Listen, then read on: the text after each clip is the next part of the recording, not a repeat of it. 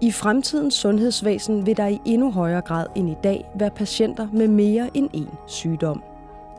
Mens nogen udelukkende vil have en række somatiske lidelser, så vil flere være plaget af både fysiske og psykiske sygdomme. I denne udsendelse kan du høre mere om mental fysisk multisygdom og hvilke udfordringer det giver, både for den enkelte patient og sundhedsvæsenet.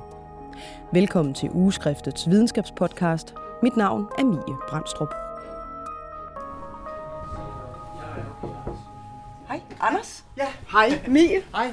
Vi er på Institut for Folkesundhed i de karakteristiske gule murstensbygninger på Aarhus Universitet. Jeg hedder Anders Prier, og øh, jeg er bostok øh, på Forskningsenheden for Almen Praksis i Aarhus. Og her sidder jeg og laver noget forskning halvtid, og den anden halvdel tiden, der er jeg, øh, arbejder jeg i praksis. Og jeg er her jo for at høre lidt mere om det, der hedder mental fysisk multisygdom. Hvis vi nu sådan skal starte lidt fra, fra begyndelsen, og du sætter et por på, hvad er det rent faktisk, det er? Ja, men det her begreb multisygdom overordnet set, det er jo egentlig øh, blot det, at en patient, vi, vi ser, har mere end en øh, lidelse. Øh, altså at der er øh, øh mere sygelighed end, end, end bare det at have en enkelt lidelse. Og det er sådan lidt relativt nyt begreb, øh, hvor vi... Øh, hvor vi jo førhen har meget snakket om, at, at øh, i hvert fald i det specialiserede sundhedsvæsen, at når man havde øh, for eksempel sukkersyge, så kom man på en endokrinologisk afdeling, når man havde hjertesygdom, så kom man ved kardiologerne. Øh, og alt det, der så var uden om det kardiologiske eller det endokrinologiske, det kaldte man sådan lidt komorbiditeter til den der indekssygdom. I multisygdomsbegrebet, der taler vi sådan lidt bredere øh, og prøver at se på sådan den hele patient og de øh, mange sygdomme, de kan have samtidig. Øh, det særlige fokus øh, i forhold til mental fysisk multisygdom, det er, hvis en af de øh, sygdomme eller tilstande, patienten har, er, er en, en psykiatrisk lidelse eller en, en psykologisk stresstilstand. Det, det inkluderer vi også nogle gange. Man kan sige, vi, vi ser på sygdommene, som man altid har gjort, men, men det er nok egentlig der, hvor man ligger det kliniske fokus, der er, det, der, der er den største forskel. Altså om man øh, håndterer sådan en ting ad gangen adskilt, og lige skæler til, hvad, hvad der ellers er af sygdom, eller om man prøver sådan mere holistisk at, øh, at se på det samlet set. Og øh, den forskning, vi jo tit laver i almen praksis, det er den der lidt mere holistiske tilgang til patienten, hvor vi forsøger at inkludere øh, også øh, jamen for eksempel dels sygdom, men jo også øh, sociale forhold og især også det psykologiske. Kan man sige, at, at, at komorbiditetsbegrebet er at simplificere tingene en lille smule, eller er det alligevel at sætte det lidt på spidsen? Nej, altså det kan man jo, det kan man jo godt sige. Og, og man skal, jeg skal også straks sige, at multisygdomsbegrebet, øh, det er jo egentlig bare defineret, defineret ved, at man har mere end to sygdomme samtidig. Og det er jo altså også en stærk simplificering af, hvordan livet er for de enkelte patienter. Så altså, øh, vi er ikke sådan kommet helt frem til, til det rigtige nu, men, men det, øh, vi nærmer os i hvert fald. Når man taler om patienter med multisygdom, og i særdeleshed mental fysisk multisygdom, så vil der i mange tilfælde være en social slagside. Overordnet set er det jo en lidt sårbar patientgruppe. Det er nogle gange øh, patienter med, med færre ressourcer. Øh, det er også patienter, som har svært ved at håndtere deres sygdom. Øh, de, det er svært for dem at følge de instruktioner, de får fra lægen. Det er svært for dem at være kompliante i forhold til medicin. Øhm, så det at have noget, nogle psykiske problematikker gør det simpelthen sværere at passe sin fysiske sygdom også. Så, så vi har en, en ret øh, sårbar patientgruppe, som vi skal prøve at finde ud af, hvordan vi får passet godt på. Men der er jo stor forskel på at have øh, en lettere angstlidelse øh, eller en lettere depression, øh, i forhold til at have nogle af de tungere øh, psykiatriske lidelser, som for eksempel øh, bipolar affektiv lidelse eller øh, skizofreni. Der er lidt forskel på grupperne, fordi vi ved, at øh, nogle af dem med de meget tunge psykiatriske lidelser, jamen, de har simpelthen en noget kortere levetid. Altså, det er lidt forskelligt, hvad man gør det op, men altså alt fra 10 til 15 til 20 års kortere levetid. Og det har vi set, at det skyldes hovedsageligt deres fysiske lidelser. Så altså det er deres, øh, det er deres hjertekarsygdom, der, der egentlig øh, i de fleste tilfælde slår dem ihjel på lang sigt. Og nu er der jo selvfølgelig stor forskel fra, fra patient til patient, men, men hvad fortæller de selv, som de oplever som det største problem?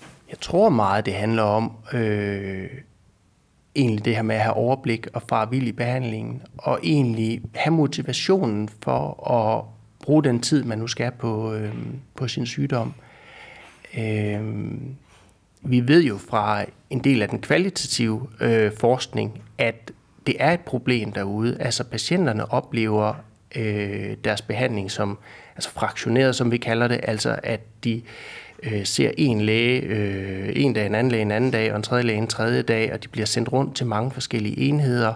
Der er kommunale tilbud, øhm, øh, der er sygehustilbud og, og alt muligt forskelligt. Øh, så vi ved, øh, når vi spørger patienterne, i dem, at de er forvirrede. Øh, og jo flere sygdomme du har, jo mere forvirret bliver du også som udgangspunkt. Øh, de praktiserende læger synes også, at det er svært at have nogle af de her tunge patienter. Man kan give lidt op over for det, hvis det bliver alt for kompliceret. Øhm, og det, det er nok en af årsagerne også til, at, at det går dårligt for nogle af de patienter, som for eksempel har nogle af de tungere psykiatriske lidelser. Det er, at de bliver lidt, det bliver lidt overset, og det er nogle gange nemmere at tage fat og, og behandle de fysiske ting i forhold til at øh, ligesom håndtere det hele på en gang. Vi ved jo, at rigtig meget af det medicin, der bliver udskrevet, aldrig nogensinde bliver taget. Og det kan jo være en blanding af jamen virkelig alt muligt. Det kan jo være en blanding af økonomi, at de ikke får det købt, men det kan jo også være, at man glemmer det, eller ikke rigtig forstår, hvorfor det er, øh, man skal tage det.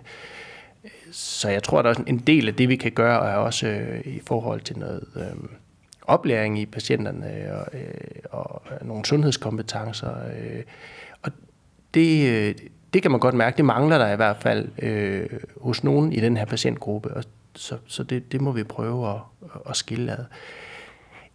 Der er jo også hele den her historie omkring overbehandling og overdiagnostik, og der synes jeg også, at vi har en vigtig rolle i forhold til at vælge det behandlingsniveau, som er relevant for den enkelte patient.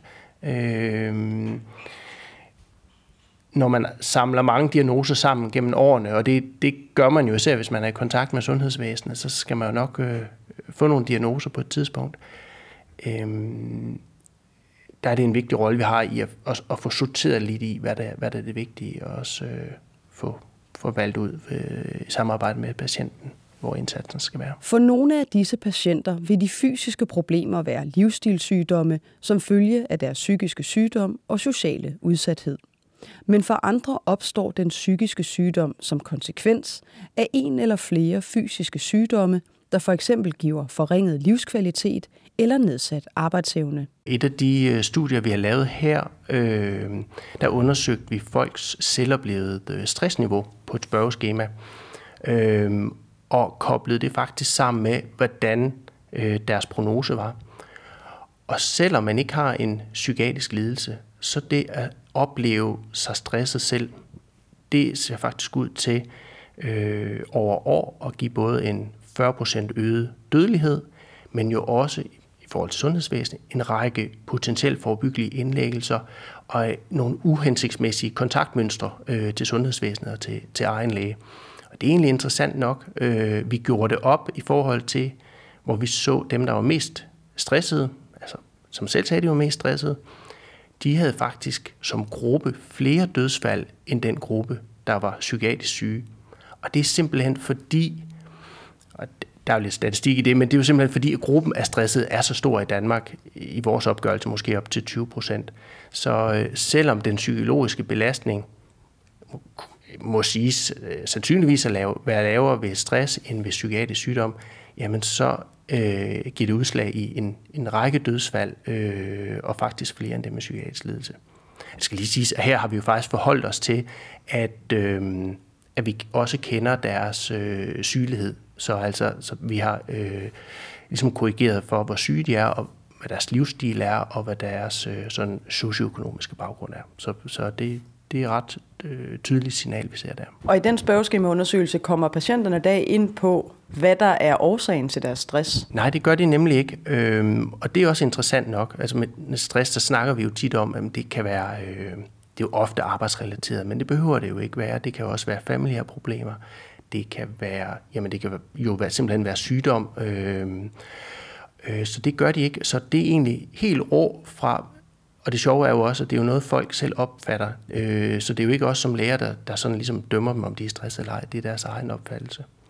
Det bygger på den øh, spørgeskemaundersøgelse af flere hundredtusind danskere, som hedder den nationale sundhedsprofil, som regionerne har lavet i samarbejde med Statens Institut for Folkesundhed. Og de data har vi så koblet med forskellige registerdata omkring kontakter til sundhedsvæsenet, øh, sygelighed og ja, også hvor, øh, altså hvor multisyge øh, folk de er. Og øh, altså overordnet set, så øh, vil de fleste øh, i sundhedsvæsenet, og jo også de praktiserende læger, jo trods alt fokusere på folks øh, somatiske eller fysiske lidelser, fordi det er jo det findes der gode guidelines for, og, og, og det er jo sådan ligesom, hvad kan vi sige, det rigtige lægearbejde.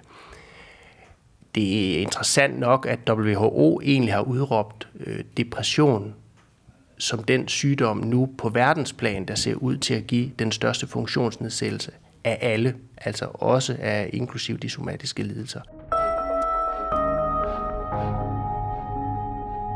Som tidligere beskrevet, så har mange multisyge patienter selv en oplevelse af at være kastebold.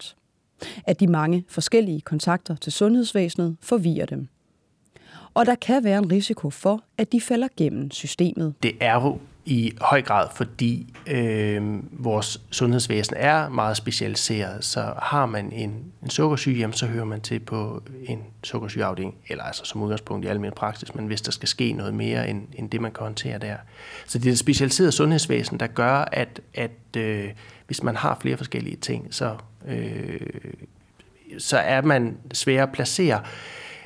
Eller rettere sagt, så kan man opleve, at man bliver sendt rundt i hvert fald Øh, og det er den der rejse rundt i sundhedsvæsenet mellem mange forskellige ambulatorier, speciallægevurderinger, tilbage i praksis til rehabilitering i kommunen, frem og tilbage. Øh, det er det, som øh, patienterne i hvert fald oplever, at de kan blive faldet mellem to stole. Og nogle gange så følger kommunikationen jo netop ikke med. Øh, og så ser vi bare nogle uhensigtsmæssige forløb. Og hvordan styrker man så den kommunikation? Jeg kan forestille mig, at det ikke er det nemmeste, øh, den nemmeste udvikling at skulle igennem, men, men hvordan kan man bevæge sig i den rigtige retning i hvert fald? Ja, det er et godt spørgsmål. Øh, det er nogle gange sådan nogle ret simple ting. Altså sørge for, at øh, der altid følger øh, gode henvisninger i kriser med rundt i systemet. Sørge for at lave øh, tiltag på sygehusene, hvor man samler nogle af forløbene. Øh, sørge for at styrke øh, almen praksis og rolle, også i forhold til at kunne trække på specialistrådgivning. Der er jo en tendens til, at øh, mange af de her patienter, i hvert fald i fremtiden, i højere grad skal håndteres i praksis, så, så vi, har god, øh, vi har stadigvæk brug for god øh, specialistrådgivning. Øh, man kan også forestille sig nogle tværfaglige teams. Øh, vi kender det fra nogle af de multisygdomsklinikker, som, som er oprettet allerede nu, som forsøger at sætte en række eksperter sammen inden for forskellige sygdomme, øh, for at se på en, en, øh, konkret, en konkret patientcase, øh, og ligesom øh, lave en samlet øh, vurdering. Det er ikke sådan rigtig slået helt igennem endnu, så, så vi skal nok finde, vi skal nok drage på de, øh, hvad det, øh, de gode, drage, træk på de gode erfaringer fra, øh, fra de forskellige tiltag, der har været afprøvet. Øhm, og så håber jeg, at vi simpelthen vi kan få lavet noget mere øh, forskning også omkring det, hvor vi, øh, hvor vi simpelthen bliver klogere på, hvad der virker og hvad der ikke gør. Ja, nu ved jeg, at du har, har, har kendskab til, øh, til det øh, multisygdomscenter, der ligger i, øh, i Silkeborg. Kan du prøve at komme lidt ind på, hvad, hvad er det for et, et, et team, eller hvad er det for en, en måde, man gør tingene på der, som er, som er lidt anderledes end, end måske andre steder i sundhedsvæsenet? Jamen tanken har egentlig været, at øh, den praktiserende læge, som havde en kompliceret øh, multisyg patient, uden at det sådan var nærmere defineret, kunne henvise til øh, multisygdomsklinikken. Øh, der bliver patienten så kaldt ind og gennemgået øh, inden øh, indkaldelsen, øh, hvor man så ser på dem, er der nogle undersøgelser, vi skal blive klogere af. Der bliver set på medicinlisten. Øh, jeg mener også, at de ofte får lavet en, en funktionsniveau øh, vurdering ved øh, ergofysioterapeut. Øh, og når man så har ligesom konklusionen på de her forskellige ting, så sidder der et panel af nogle forskellige speciallæger fra øh, de medicinske specialer, eventuelt også en psykiater sammen, og ligesom forsøger at øh, lægge en, en samlet øh, behandlingsplan, eller hvad kan man sige, et forslag til, hvordan egen læge kan gå videre. Fordi tanken er nemlig ikke her, at man skal ind i et langt ambulatorieforløb på sygehuset, det er, at man bare trækker på de forskellige specialer til at komme med en eller anden slags konsensus eller samlet vurdering af, af den her patient. Så kommer øh, patienten tilbage i almindelig praksis sammen med, med den her anbefaling, øh, og så er det egentlig øh, egen læges rolle at, at, at prøve at se, hvad det er, det man kan bruge. Udfordringen har hidtil været, at det har været lidt usikkert, hvad for nogle patienter, der egentlig, man egentlig kunne sende derhen.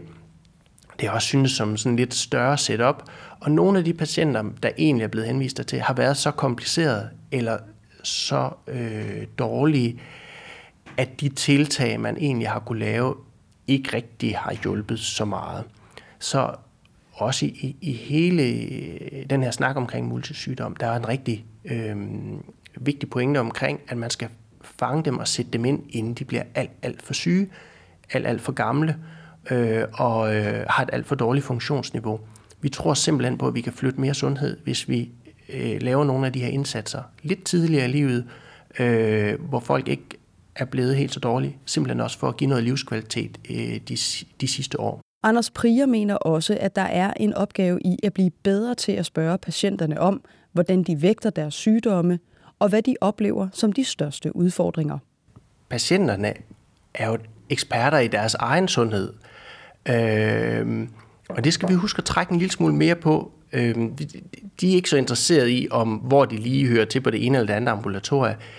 De har jo nogle mål i livet. De har en livskvalitet, som de skal leve op til. De har et funktionsniveau, som, øh, som begrænser dem eller øh, giver dem friheder i deres hverdag. Og det skal vi huske at spørge dem om.